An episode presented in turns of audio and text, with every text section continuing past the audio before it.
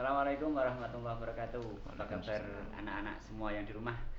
Ini persembahan spesial untuk kalian. Kami ingin membuat sebuah podcast ya. Sebuah podcast itu beda sama apa ya ngevlog gitu ya.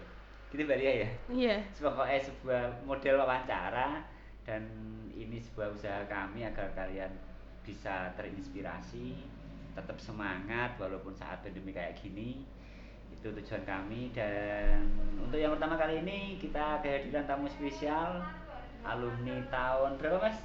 Tahun 2013, Pak. 2013 Iya. ya ini adalah alumni alumni tahun 2013 yang saat ini sudah semester Sembilan. 9 Semester 9 ya, Mas. semester bikin 9. skripsi ya bentar lagi Sudah skripsian, Pak. oh malah sudah alhamdulillah Eh, kebetulan eh, sama Mbak Lia ini satu tahun angkatan dan kebetulan mereka adalah ambil jurusan yang agak aneh dari teman-teman yang lain kalau biasanya teman-teman yang lain alumni sini ambilnya kan PAI gitu mungkin atau mungkin IT yang ngetren sekarang IT ya tapi mereka berdua berani ambil sesuatu yang beda anti mainstream mungkin kalau bahasa kalian yaitu jurusan agro Agribisnis. agribisnis Benar? Agribisnis. Agri. agribisnis. bukan agro ya Bukan.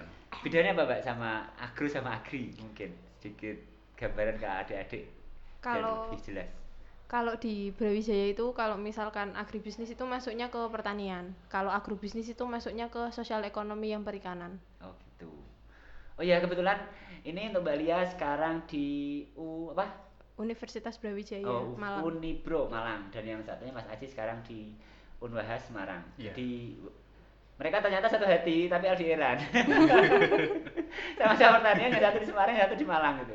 Nggak tahu ini apakah udah janjian dari dulu? Nggak bisa ada aja.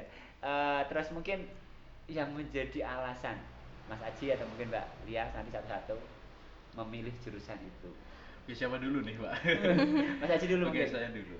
Eh, kalau saya simpel, alasan saya yang pertama kenapa saya memilih jurusan agribisnis eh ini yang pertama saya melihat di desa itu belum ada yang sarjana pertanian karena seperti yang Bapak katakan di awal tadi kalau di Pancur sendiri itu rata-rata mengambil jurusannya PAI atau manajemen dan sebagainya. Saya pengen ke agribisnis karena pada dasarnya saya juga suka dengan bisnis gitu loh. Jadi agribisnis itu mempelajari ilmu usaha dan juga ilmu bisnis yang menjadikan pertanian sebagai komoditas mulai dari persiapannya, pengelolaan sampai dengan pengolahannya seperti itu. Kalau Mbak Lia mungkin alasan yang paling kuat kenapa Kalau- milih jurusan itu. Cewek kok ya suka di tani gitu aja. Kalau aku gambar itu ketika nanti PPL di sana kan mesti nanam padi gitu. Enggak. Eh, enggak sih, kalau Enggak. agribisnis itu enggak terlalu ke pertaniannya karena kan dia masuknya ke sosial ekonominya. Jadi misalkan magang itu mungkin kayak di perusahaan pupuk, terus Hmm, di oh benih dan kayak eh, yang menyediakan sarana produksi pertanian dan yang pasca panennya. Kayak Iya, iya, gitu. iya. Alasan tadi kembali ke alasannya. Yang Alasannya- kenapa pilihannya ke itu? Ya karena nggak diterima di pilihan pertama waktu SBMPTN. Jadi maksudnya Aduh, pilihan kedua. Ternyata ini pilihan yang kedua. Iya. Bukan, tapi semoga pilihan yang terbaik lah Iya, untuk amin. kalian berdua dan Amin amin. saya sendiri sepakat artinya eh, itu kan bis apa agro bis, agribisnis maaf agribisnis tersebut Eh, saya pikir potensinya juga masih sangat luas dikembangkan cuma kalau anak-anak saya ini kan anak-anak sekarang anak muda mungkin agak bukan fobi ya tapi mungkin agak menjauh dari hal-hal yang berbau tani kesannya kotor kesannya Hmm. apa ya murah kesannya Iya. kan gitu tapi saya pikir kalau eh, jenengan berdua punya alasan yang kuat milih itu kan paling nggak bisa memberikan semangat untuk teman-teman terutama adik-adik yang saat ini masih di MTS untuk bisa memilih salah satu alternatif pilihannya adalah jurusan agro Agribisnis. maaf.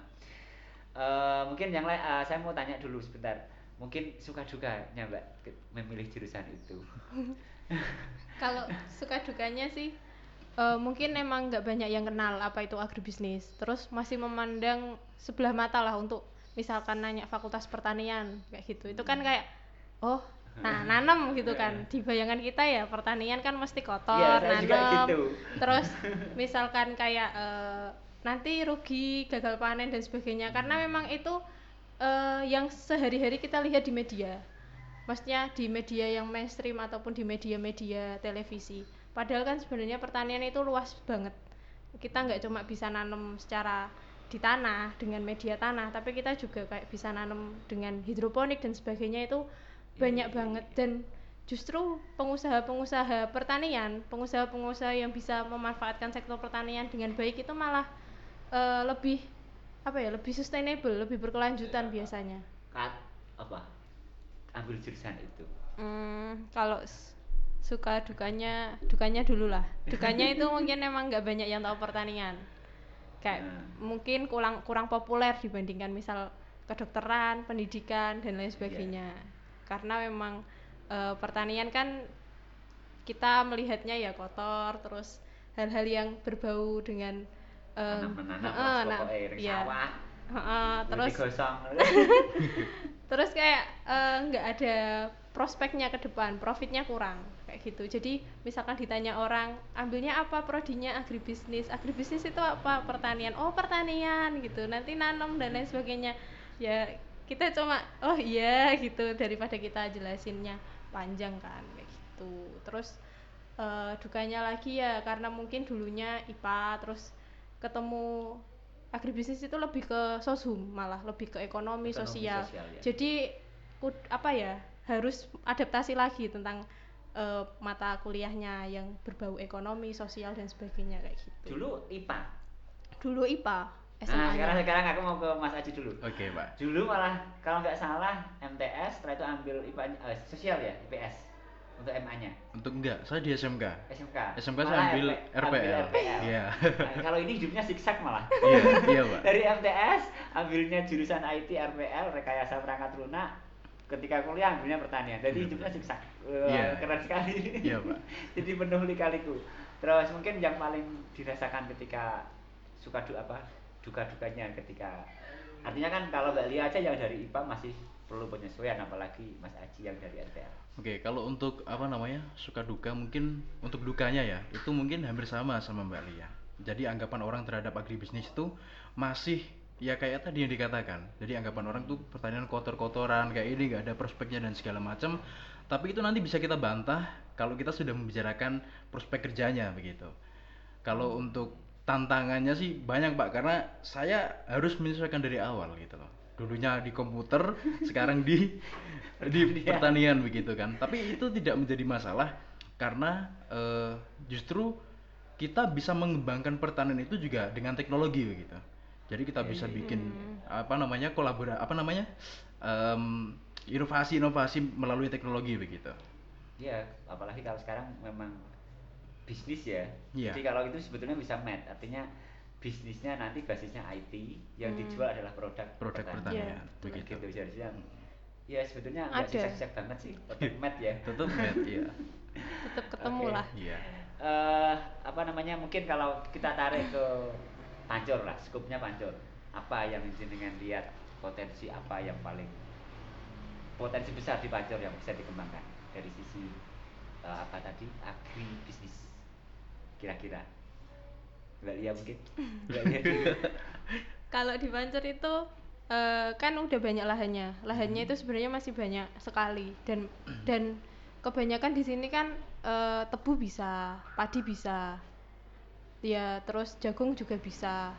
Kalau menurut saya sih emang potensi paling besar itu lahannya yang masih luas. Itu potensinya yang paling besar. Hmm. Soalnya kan eh, kebanyakan itu yang lain-lain kan lahannya sudah mulai sedikit. Di sini juga sudah mulai ada Iya. masuk sedikit terus Apalagi industri sudah mulai masuk Nah, suara ya. betul. Dan itu sebenarnya aset yang paling berharga yang harus kita pertahankan soal lahan itu. Karena eh, ya mungkin bisa kita merekayasa lahan untuk pertanian di, la- di luar lahan yang luas, tapi kan nggak memungkiri juga memang lahan itu sebenarnya penting untuk kita melakukan kegiatan pertanian kayak gitu. yang paling eh, kalau mungkin Mas Haji mungkin pendapatnya yang paling paling potensi dikembangkan di pancur Kalau mungkin yang paling potensi untuk saat ini Hmm. saya melihat itu di apa namanya di tanaman-tanaman seperti padi, jagung dan dan tebu begitu. Karena selain lahan luas, pancur itu punya kesuburan yang sangat tinggi, Pak. Sehingga untuk apa namanya tiga komoditas itu ketika Betul. dikembangkan itu sangat potensial sekali hasilnya nanti begitu itu kalau dari saya saya melihat kesuburan tanahnya di Pancor itu Eh, airnya melimpah ruah kan tapi juga sekarang udah mulai turun sih untuk kesuburannya karena Iya. kan eh, terlalu banyak diberikan eh, input kimia, mesti Oh, kayak iya. pupuk-pupuk buatan itu tanpa ada recovery dari yang organik itu kan juga mengurangi kesuburannya. nah itu PR kita nanti itu PR Ya, kita PR kan kalian, itu PR kita itu. Eh, mungkin kalau mungkin bi- eh, saya bicara mungkin agak ke perkebunan. Kalau di Macer mungkin orang sekarang dengan adanya industri orang kan udah mulai males gitu ke Mm. karena sekali lagi pertanian tetap ide apa namanya sebuah rutinitas yang tidak bisa ditinggalkan tiap hari harus ke sawah. Orang sekarang kan trennya adalah mulai ya nan- sekali nanem keramatnya sekali-kali kan enak ke perkebunan. Mhm. Kalau perkebunan mungkin yang paling potensial di sini apa kira-kira? Yang bisa diwan sampai ke bisnisnya loh ya, kira-kira. Kalau perkebunan di sini itu lebih ke buah-buahan, kayak misalkan sejenis, ya contoh Iya, lah, iya. misalkan, heeh. contoh lah, eh, saya berpikiran untuk mengembangkan pisang, karena di situ eh, banyak di sini tuh orang yang nanam pisang itu ditinggal aja berbuah, apalagi kalau dirawat. Hmm, Nah, terus ditambah dengan pengolahan pasca panennya. Pengolahan pasca panen itu ya termasuk kayak packagingnya, terus lain-lainnya itu bisa kita memperluas pasar. Jadi kita bisa masuk ke su- supermarket, kita bisa menjangkau pasar luas, ekspor dan sebagainya kayak gitu. Oke oke, sebuah pemikiran. Jadi ini mungkin sebuah apa yang mana eh, wacana baru buat khususnya warga Pancer ini, Bapak Ibu wali murid. Artinya sebenarnya kita sebenarnya masih ada potensi besar yang bisa dikembangkan di Pancor, terutama buah. Cuma tinggal tinggal bagaimana prosesnya ya Iya. sampai ke pasca. Gitu. Terima kasih. Terus eh, ini kita flashback eh, sebetulnya sebe- untuk menyemangati adik-adik hal yang paling berkesan ketika belajar di MTS.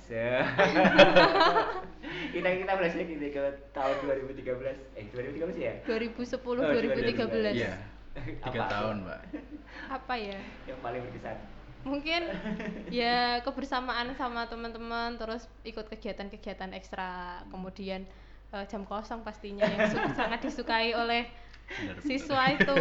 kalau prestasi-prestasi di sini yang paling berkesan pernah menorehkan apa kalau mungkin prestasi yang paling berkesan itu ini pak lomba lomba PMR waktu itu sebelum kita lulus ya Hmm, itu itu juara. namanya itu? iya, Juara. juara di Sinanggul kalau nggak salah iya di Sinanggul itu kita berhasil meraih piala bergilir juara umum juara umum Ah. gitu. itu prestasi yang mungkin terbaik sepanjang sejarah MTS malah Wah, saya kasih aplaus untuk mereka berdua. Jadi memang iya, se- setahu saya memang kita pernah meraih satu juara umum ketika itu. Kebetulan malah angkatan Iya, ini yang saya panggil. Saya lupa itu sebetulnya. Cuma setelah dua tahun atau mungkin juara berikutnya kita dapat harapan dua kalau nggak salah. Dan Iya. sekarang ya kalau melihat pialanya sih masih di situ kalau jaringan masih pengen apa ya mengenang kembali kejayaan kalian dan masa imut-imut kalian ketika Iya kawan-kawan nanti tak, tak ini fotonya. Kami mesti punya dokumentasi lengkap itu. Kalau nggak salah deh. Masih Eh, banyak. Terus mungkin eh, apa namanya buat adik-adik ini sebagai penyemangat mereka, terutama ini yang siswa baru ya, terutama untuk yang pandemi saat ini kita tahu kondisi ini sudah mulai Maret ya. Hmm. Kalau eh, apa namanya kondisi ini diterus-teruskan, kita mungkin malah lupa untuk tetap semangat belajar, berinovasi. Kita asik dengan gadget, kita asik dengan masa libur yang berkepanjangan. Pesan buat adik-adik dari Mas Aji dulu mungkin. kalau pesan untuk adik-adik sih kalau dari saya pak Eh, karena saya melihat itu zaman sekarang semangat anak-anak memang menurun drastis semenjak adanya pandemi ini kalau menurut saya begini sih harusnya dengan sekolah daring atau sekolah online itu adik-adik harusnya lebih semangat gitu karena kita di dipermudah itu dari informasinya dari segala macamnya kita bisa bisa lewat online gitu kan kita bisa browsing. Artinya adik-adik harus memanfaatkan teknologi ini sebaik mungkin gitu. Tidak boleh di, disalahgunakan. Kan sekarang banyak tuh orang-orang yang eh, menyalahgunakan teknologi. Hmm, malah rata-rata mulai kumpul game main game. iya dibuat main game itu nggak boleh sebenarnya.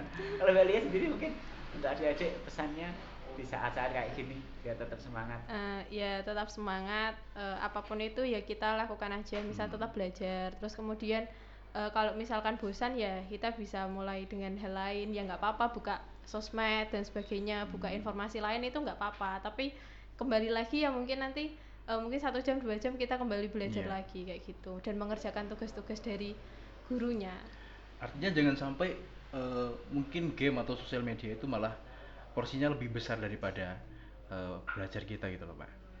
Iya sih sebetulnya saya sendiri dengan adanya saya sendiri ya kalau bicara masalah teknologi dibanding dengan 10 tahun yang lalu sebetulnya lebih mudah sekarang cuma Hmm. ya itu tadi kita mungkin lebih asik dengan sosmed Iya. dengan game kita malah lupa padahal dari dari gadget yang kita pegang ini kan hampir semua ilmu pengetahuan bisa kita gali di Iya. sini bisa Hmm. kita pelajari secara mandiri oke eh wis berapa menit ini harus setengah jam deh Belum ada. dulu paling 18 menit masa Iya, Pak. ngomong wis kesel iya Baru 8 baru pak Oke, sekarang kembali ke tengah ya, mau diedit ya. Eh, mungkin secara lebih spesifik agar eh, tahu ya. Setahu saya itu jurusan itu pertanian top. Mm-mm. Kalau agribisnis itu kan mungkin ilmu-ilmu cabang ilmu baru. Sebetulnya apa yang menjadi membedakan pertanian murni sama agribisnis? Eh, jadi pertanian itu skupnya luas sebenarnya Hmm. pertanian eh, bahkan peternakan perikanan itu masuk pertanian dalam skala Oh, luas gitu? iya itu Akhirnya masuk itu pertanian bisa beda itu? iya Nggak itu masuk ya? pertanian Oh. cuma skupnya dia pertanian di laut di perari- perairan terus kemudian pertanian tani iya itu masuk pertanian dalam arti luas kalau dari pertanian secara pangan pertanian pangan nih itu eh, kalau di UB itu masuknya ada dua prodi jadi masuk agroekoteknologi kemudian ada agribisnis dan ini dua-duanya juga agroekoteknologi apa? ini su- susah ngomongnya aja susah ini Iya. apalagi kuliahnya gitu Oh gitu. Kalau di Mas Aci sa- di UPH dulu setahu saya ya, saya juga lulus sana masalahnya. Iya, iya, Pak. Kebetulan kita satu sama. Setahu saya cuma pertanian sama teknologi pakan ternak ya. Kalau Untuk sekarang belum ada gitu ya. Enggak, kalau sekarang dulu memang sempat ada agroteknologi, cuman sekarang sudah dihapus, hanya tersisa agribisnis, Pak. Jadi kalau agribisnis di UEH itu dia mempelajari tentang pertanian tapi tidak tidak apa namanya? tidak secara luas begitu.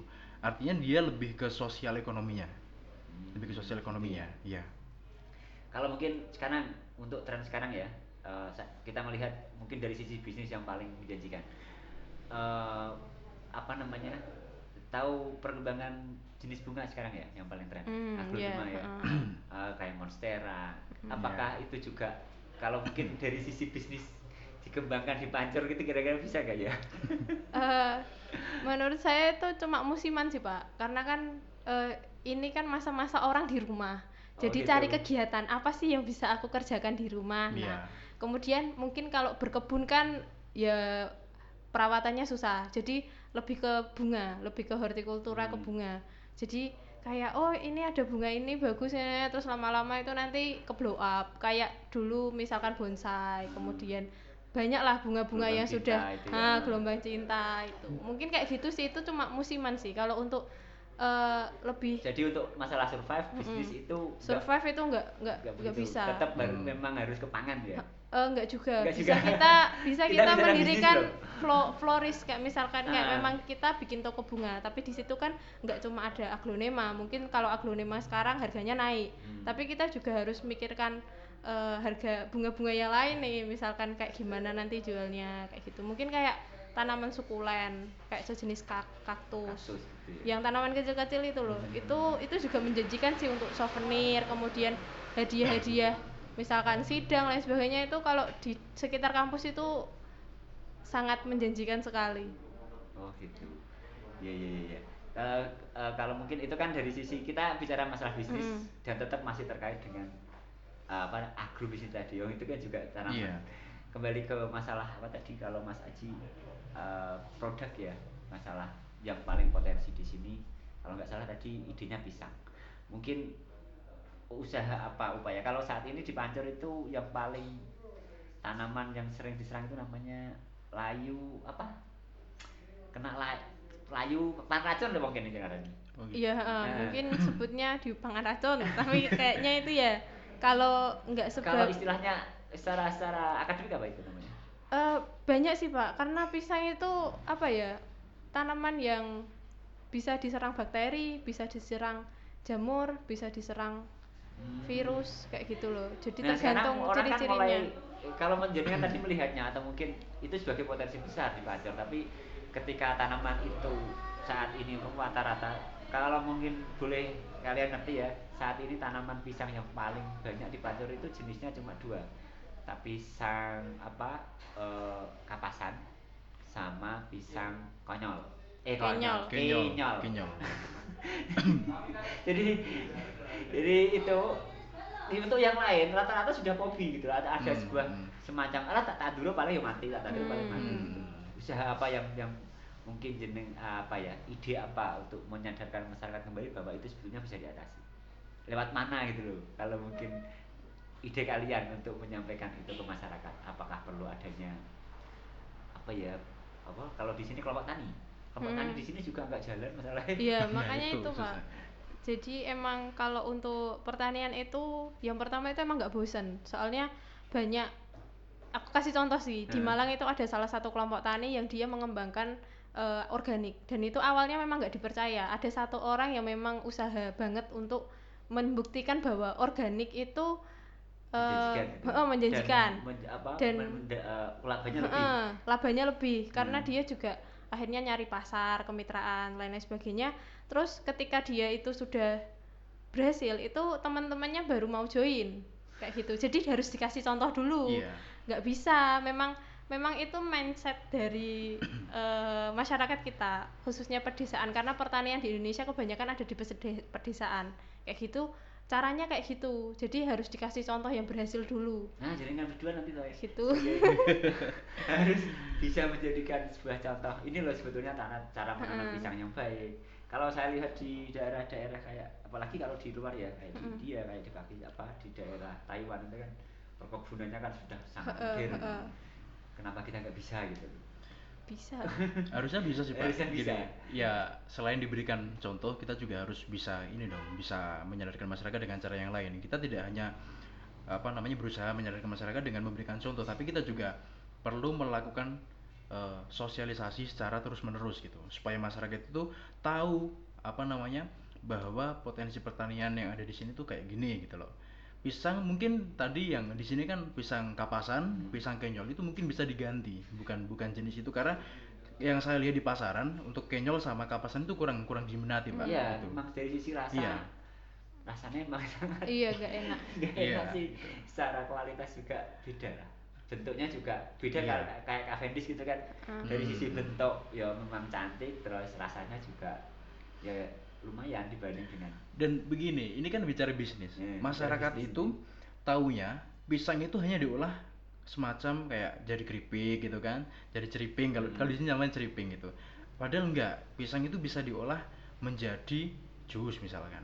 Tapi bukan jus pisang yang dijual di pinggir-pinggir jalan. Kita bisa bisa kemas itu dengan packaging yang baik. sehingga- Minuman lah, Iya, kayak minuman. minuman. gitu sehingga harganya nanti melonjak naik. Katakanlah kalau pisang diolah diolah menjadi jus harganya 5000 Tapi ketika itu di packaging dengan baik harganya bisa 10000 kayak gitu. jadi kemasan itu sangat Iya. mempengaruhi Sangat mempengaruhi. Sangat mempengaruhi, Pak. Sangat mempengaruhi. Jadi Dengan kayak ya. pisang yang di pinggir jalan. Eh, Misal sama-sama nih pisang, misal pisang kepok. Hmm. Kalau di pinggir jalan harganya misal 5000 tapi kalau udah masuk supermarket harganya Iya. bisa bisa berbeda. berkali-kali lipat Mm-mm. karena di situ ada pengolahan kayak dibungkus, kemudian biar dia lebih awet dan lain sebagainya Hmm. kayak gitu. Dibersihkan dulu. dan sebetulnya itu bisa dilakukan masyarakat dari Bisa, rumah Sangat bisa. bisa.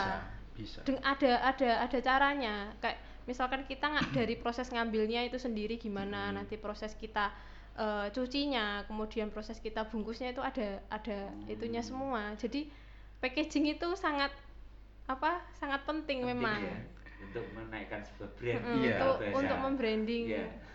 produk Saya ambil contoh kecil begini, Pak. Di pinggir-pinggir jalan orang yang jualan buah itu Mhm. pisang itu kan maksimal tahannya paling 3 sampai 4 Hmm, hari kan udah iya. busuk. Padahal itu ada cara untuk menangani itu supaya tidak Hmm. busuk itu diapain gitu kan. Nah, ada cara si si pangkal pisangnya itu itu dikasih ini ditutup sama solasi itu akan bertahan lebih dari dua minggu nah cara Sederhana itu. Iya. iya sesederhana itu bisa kita lakukan sebenarnya itu, Pak, gitu loh dibungkusnya rapet jadi nggak ada oksigen Iya. karena Oh, gitu. pisang Pakai itu ya, Heeh, eh, pisang gitu. pisang Hmm. itu tanaman yang klimaterik maksudnya itu dia tuh masih teroksidasi kalau misalkan sama ter apa ya kontam bukan kontam sih eh, bereaksi sama oksigen. oksigen. itu dia bisa mateng terus makanya pisang itu kan makin lama makin mateng Makin makin mateng mateng. makin mateng bahkan kalau nggak digarbit pun nggak di itu Ya. pemeraman itu Iya. dia bisa mateng sendiri sebenarnya cuma kan lebih lama kayak gitu Tapi satu hal yang aneh dari pisang, ini saya, saya coba kalau kalian ngerti ya. Setahu saya itu nggak ada apa namanya? Kalau bahasa mungkin apa ya? Sindat. Ngerti sindat ya? Mm, Apa sih gini kok? belatung pak Belatung. Nah, belatung Kalau mungkin tanaman yang lain kayak nangka itu kan ada.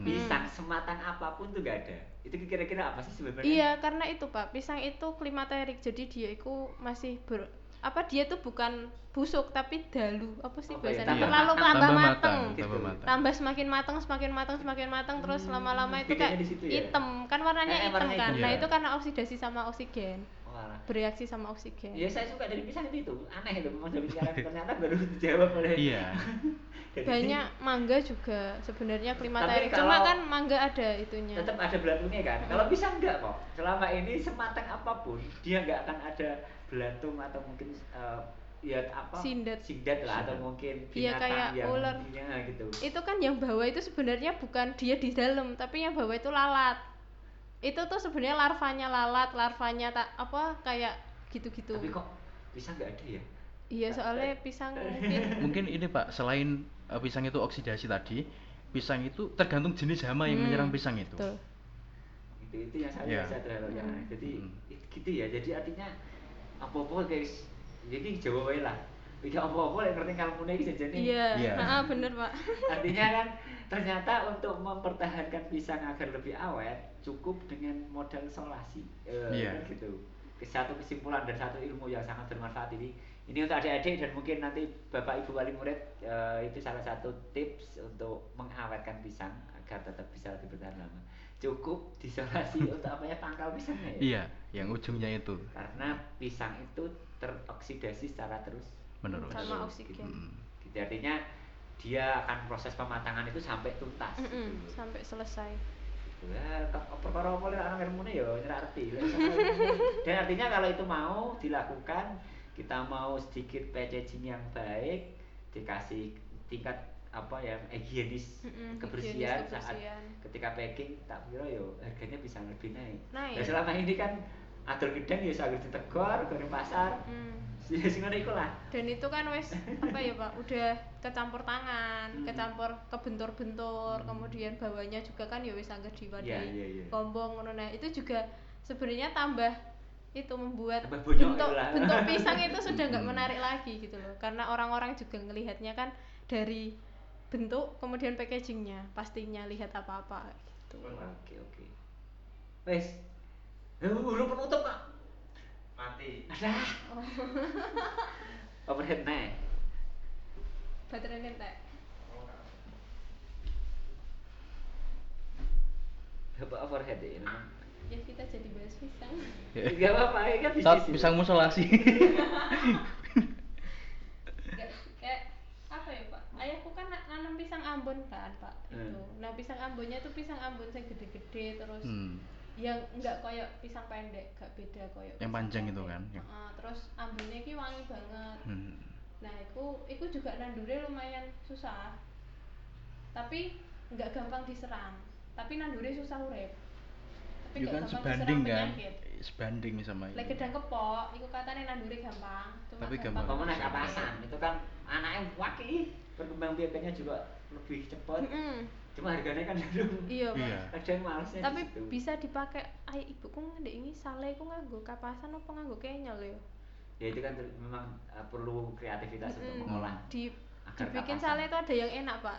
Aku lupa yang kenyal apa kapasan apa kapasan sing kepiye ngono. Iku enak, Pak. Mungkin kenyal. Kalau kenyal mungkin Yuk, eh Satu, tapi mau dua. saya mau nambah cerita tentang bisnisnya Pisang, ya. iya. Ah, kesimpulan tentang pisang. Oke. satu dua Oke, kalau mungkin di Pancur sebetulnya kalau kita bicara masalah pertanian dan perkebunan ya mungkin sarannya lebih kita bicara masalah kasuistik aja Pancur atau mungkin melihat potensi yang ada. Mungkin di Pancur kan ada durian, Mm. mangga sama rambutan itu yang paling Jengkol juga pak. Dulu kan Pancur sih. banyak jengkolnya. Terutama deg- apa degan itu kan juga Iya. sebuah potensi atau mungkin hasil bumi yang saat ini masih belum tergarap secara maksimal. Ya mungkin nanti itu PR-nya jaringan berdua itu. Nah kira-kira nanti setelah lulus kembali ke sini apa melalang buana atau mungkin? Nah, rata-rata kelemahannya yang saya suka itu. Alumni sini rata-rata ya saya bicara alumni sini aja kalau memang sudah dia S1 mungkin langsung di sana. Terus S1 ya udah nggak balik sini gitu kan. Ya gimana Pancur bisa berkembang ya? Kira-kira rencana ke depan eh, impiannya mungkin ini tent- eh, kembali ke sini mengabdi atau mungkin Eh, kalau saya pribadi sih ya juga pengen melalang buana ke mana-mana. Soalnya udah terlanjur tahu yang luar-luar kan pak. Jadi pengen lebih explore ke mana lagi ke mana lagi bisa nggak sih aku ke sini kayak gitu tapi juga punya ada sedikit keinginan untuk apa sih yang bisa aku lakukan buat ketika di rumah gitu loh. Apalagi memanfaatkan apa yang ada di rumah kayak gitu. Membantu orang-orang sekitar dan sebagainya. Kalau saya ini pak, saya suka melalang buana. Saya, saya, saya gini, saya, saya pengen gini loh, saya pengen keluar dulu, Ya, mencari, mencari apa namanya bahasanya kayak saya kan pengen bisnis. Saya jujur saya pengen pengen mendirikan bisnis. Dan ketika bisnis saya berhasil, saya akan kembali ke desa memberikan contoh. Supaya orang-orang itu bahasanya apa ya? Ngandel ya? Ngandel atau Percaya, Lek. percaya gitu loh. iso loh. iya heeh, kayak gitu. Karena orang sini kan mindsetnya masih kayak gitu. Jujur aja masih kayak gitu. Kalau belum ada contohnya itu nggak akan dilakuin gitu nggak akan dilakukan. Aduh, aku udah patah hati ini. Artinya kan, ya, artinya apa-apa. kalian nanti setelah lulus ya juga nggak kembali sini aja kalau memang kalian masuk komitmen terus kita bareng-bareng eh, membantu masyarakat dan dengan keilmuan yang kalian miliki, insya Allah sih Pancur bisa lebih terangkat lah secara ekonomi. Artinya untuk nilai ekonomis dari sisi pertaniannya ya sedikit terangkat.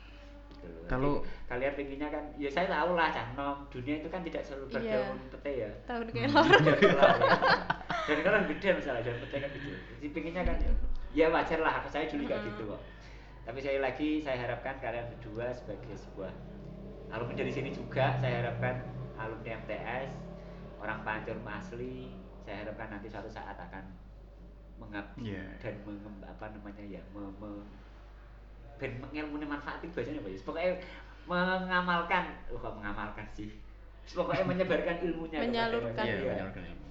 terutama khususnya warga Pancur di bidang pertanian biar nilai ekonomis eh, apa pertanian di Pancur itu lebih saya saya, eh, saya sendiri melihatnya aku banyak sebetulnya potensi yang di sini yang Hmm. belum tergarap kalau kita melihat kita ketinggiannya di pas tengah-tengah ya Iya, tengah-tengah. Pancur itu 600 kalau nggak salah 600 400 sampai 600 Iya, tergantung segitu. itu kan sangat daerah mana. untuk Eh, jenis iya untuk ya, tapi bukan untuk sayuran untuk jenis-jenis kita kan yang lain di tumbuhan yang sama yang Ah. buah tadi itu itu kan. emang yang dipangan sama yang di buah-buahan itu cocok pak emang kan itu sebetulnya itu kan artinya uh, punya ketahanan dari sisi produk loh ya Mm-mm. Jadi kayak pisang itu kan daripada sayur yang umurnya cuma Mm-mm. 2 tiga hari kalau pisang kan bisa lebih lama. Secara ekonomis kan bisa lebih survive kita sebetulnya Art- iya. artinya loh ya. PR-nya lebih lebih Iya. gampang daripada yang sayur lah. Ya, daripada yang sayur. Sayur itu umurnya sangat pendek walaupun umurnya umur ketahanannya pendek walaupun nanamnya pendek juga. Ya tetap semua ada plus minusnya sih. Tapi saya pikir pancor sebetulnya itu kita semua.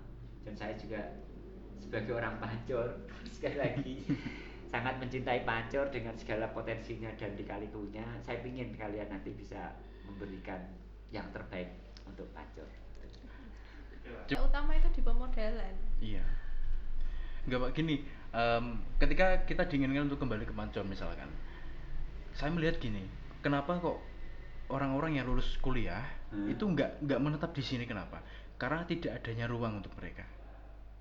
Kurang begitu dipercaya Kurang. gitu. Iya, Hmm. kurang begitu dipercaya. kayak anak muda gini loh pak Eleh cah cilek ngerti apa tah itu kan sering kita dengar kan Mm-mm. pak padahal misalkan ada suatu kasus kita itu tahu itu kok goro-goro iki tapi misalkan wongnya terlalu mempercaya mitos-mitos lain kan mesti ora iku karena iki ya no wis dikandani ra ngandel ya wis alasan gitu. mungkin alasan utama itu ya menurut saya tidak adanya tempat untuk mereka anu rep on an. Jadi kalau mungkin menurut Mas Aji alasan yang paling kuat jenengan kok nggak bisa ke sini atau mungkin kenapa sih kok nggak langsung menetap di sini kok pengen melalang buana kira-kira? Oke pak, yang pertama gini, saya melihat eh, para senior-senior saya dulu, pendahulu-pendahulu saya yang sudah kuliah, yang sudah sarjana, tidak kembali ke desa itu karena satu hal, karena mereka tidak punya ruang di di desa.